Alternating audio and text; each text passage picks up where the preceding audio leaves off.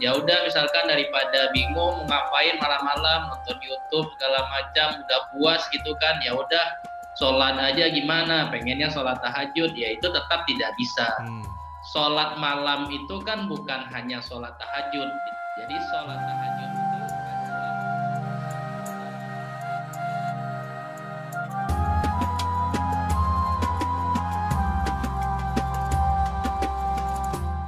Assalamualaikum warahmatullahi wabarakatuh. Kamu sedang mendengarkan podcast terbaru persembahan dari KBR Prime dan juga Islami.co bersama saya Indra Saputra yang akan menemani Anda di podcast Ramadan Vibes. Mudah-mudahan podcast ini bisa membuat kita menjadi pribadi yang lebih baik lagi di Ramadan tahun ini.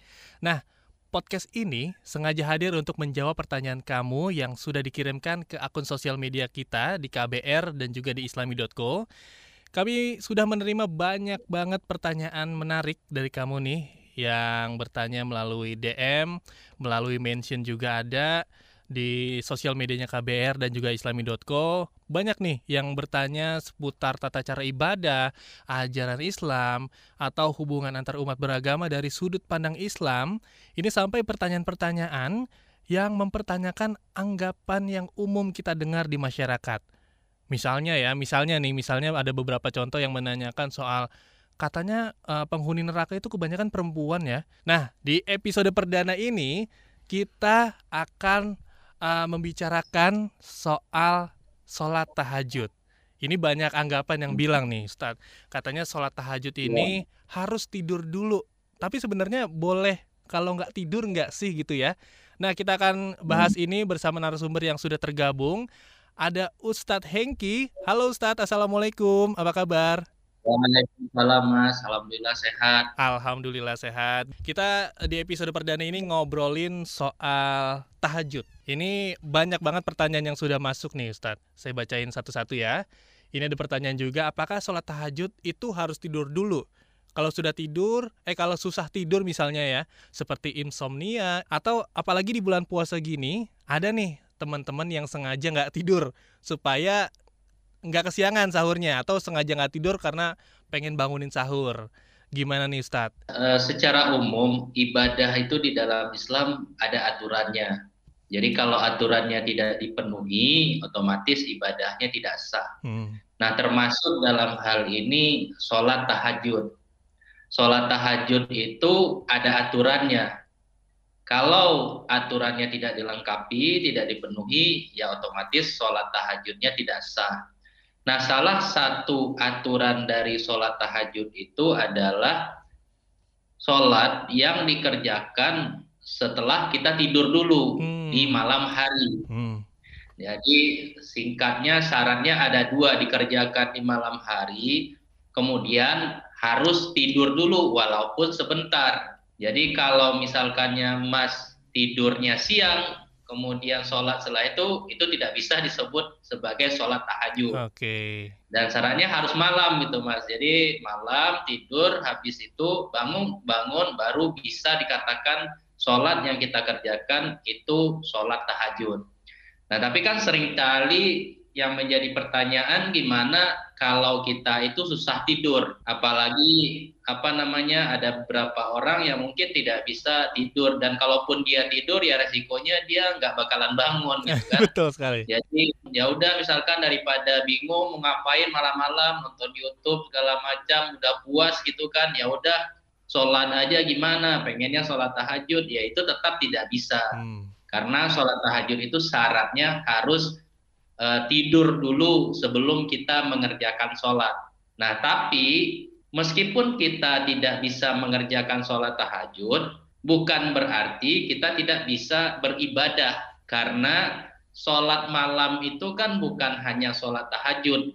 Jadi sholat tahajud itu adalah satu dari sekian banyak alternatif jenis sholat malam. Ya. Misalkan sholat witir, hmm atau sholat sunnah hajat atau sholat sunnah mutlak dan uh, lain-lain atau kalau konteks Ramadan kan kalau memang nggak bisa tidur ya udah disambungin lagi sholat tarawihnya misalkan sampai pagi juga boleh itu prinsipnya harus dikerjakan di malam hari, kemudian harus tidur dulu. Gitu.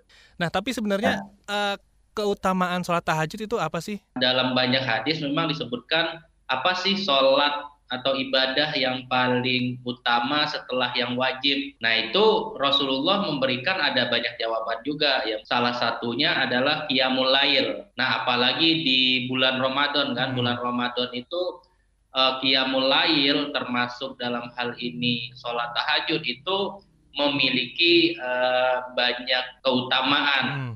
Salah satunya disebutkan di dalam hadis orang yang mengedirikan malam Ramadan dan berpuasa di siang hari, kemudian dengan penuh keikhlasan dan ketakwaan pada Allah, diampuni dosa-dosa dia yang telah berlalu. Nah, tapi tentu maksudnya di sini adalah dosa-dosa kecil, bukan dosa-dosa besar. Jadi kalau kita pernah melakukan dosa besar, ya salah satu syaratnya harus bertaubat dulu. Yeah. Tapi kalau dosa-dosa kecil itu bisa dihapus melalui memperbanyak amalan-amalan sunnah. Jadi ada banyak hadis sebetulnya yang menjelaskan terkait apa sih amalan yang paling utama setelah ibadah wajib. Nah, itu banyak jawaban sebetulnya Mas. Tapi biasanya Rasulullah itu menyesuaikan konteks orang yang dihadapinya. Ya, gambarannya kalau orang nih kayaknya jarang sholat malam nih, nanti Rasulullah bilang yang paling utama itu sholat malam. Hmm.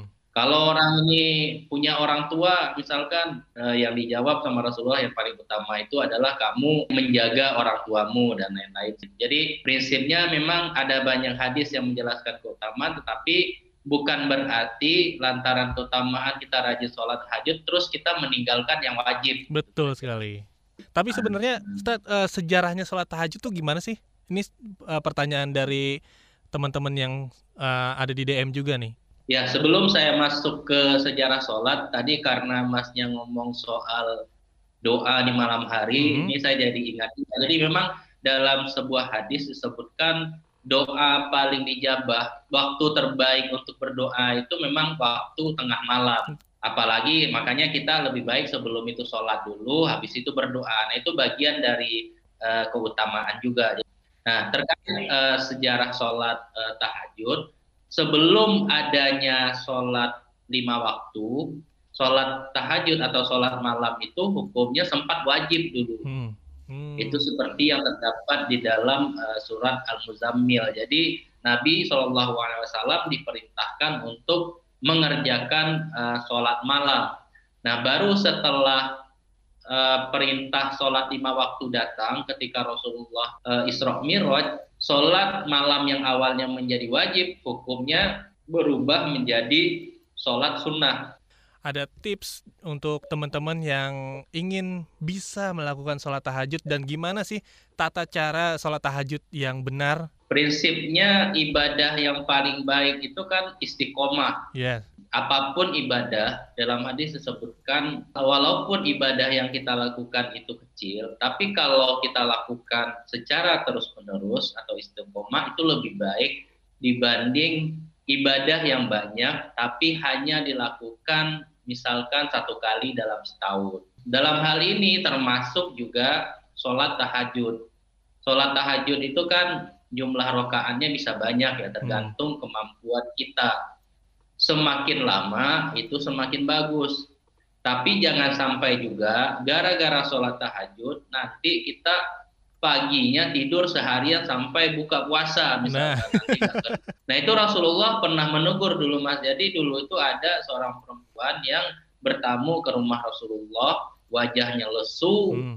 Matanya kayak orang ngantuk gitu. Ditanya sama Rasulullah, kamu ini ngapain? Kenapa kok kayak gini? Dijelasin sama Siti Aisyah kalau dia ini semalaman sholat. Hmm. Rasulullah negur bahwa tubuh kamu itu juga butuh istirahat. Disesuaikan aja dulu dengan kemampuan kita. Nah, yang paling aman kan gini, kalau mumpung masih Ramadan, hmm.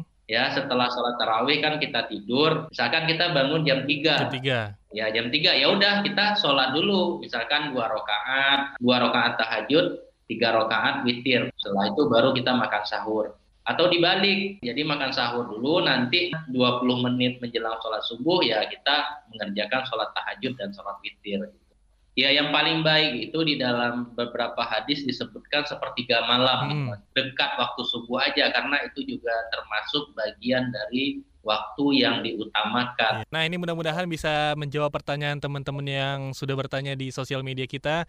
Sekali lagi terima kasih untuk Ustadz Hengki sharing-sharingnya. Mudah-mudahan bisa membuat kita terbuka pikirannya dan jadi tahu kan. Untuk teman-teman yang juga mungkin punya pertanyaan seputar hal lain, seputar Ramadan, seputar Islam atau hubungan antar umat beragama dari sudut pandang Islam, boleh banget langsung aja kamu tanyain melalui DM Instagram atau Twitter di @kbr.id atau bisa juga di islami.co dan jangan lupa juga untuk selalu menyimak episode-episodenya di episode selanjutnya. Siapa tahu aja pertanyaan kamu bisa kita jawab langsung nih sama Ustadz atau sama Ustazah. Sekali lagi terima kasih Ustadz Hengki untuk pencerahannya. Terima kasih juga untuk kamu yang sudah mendengarkan podcast Ramadan Vibes. Sampai jumpa di episode selanjutnya. Saya Indra Saputra. Wassalamualaikum warahmatullahi wabarakatuh.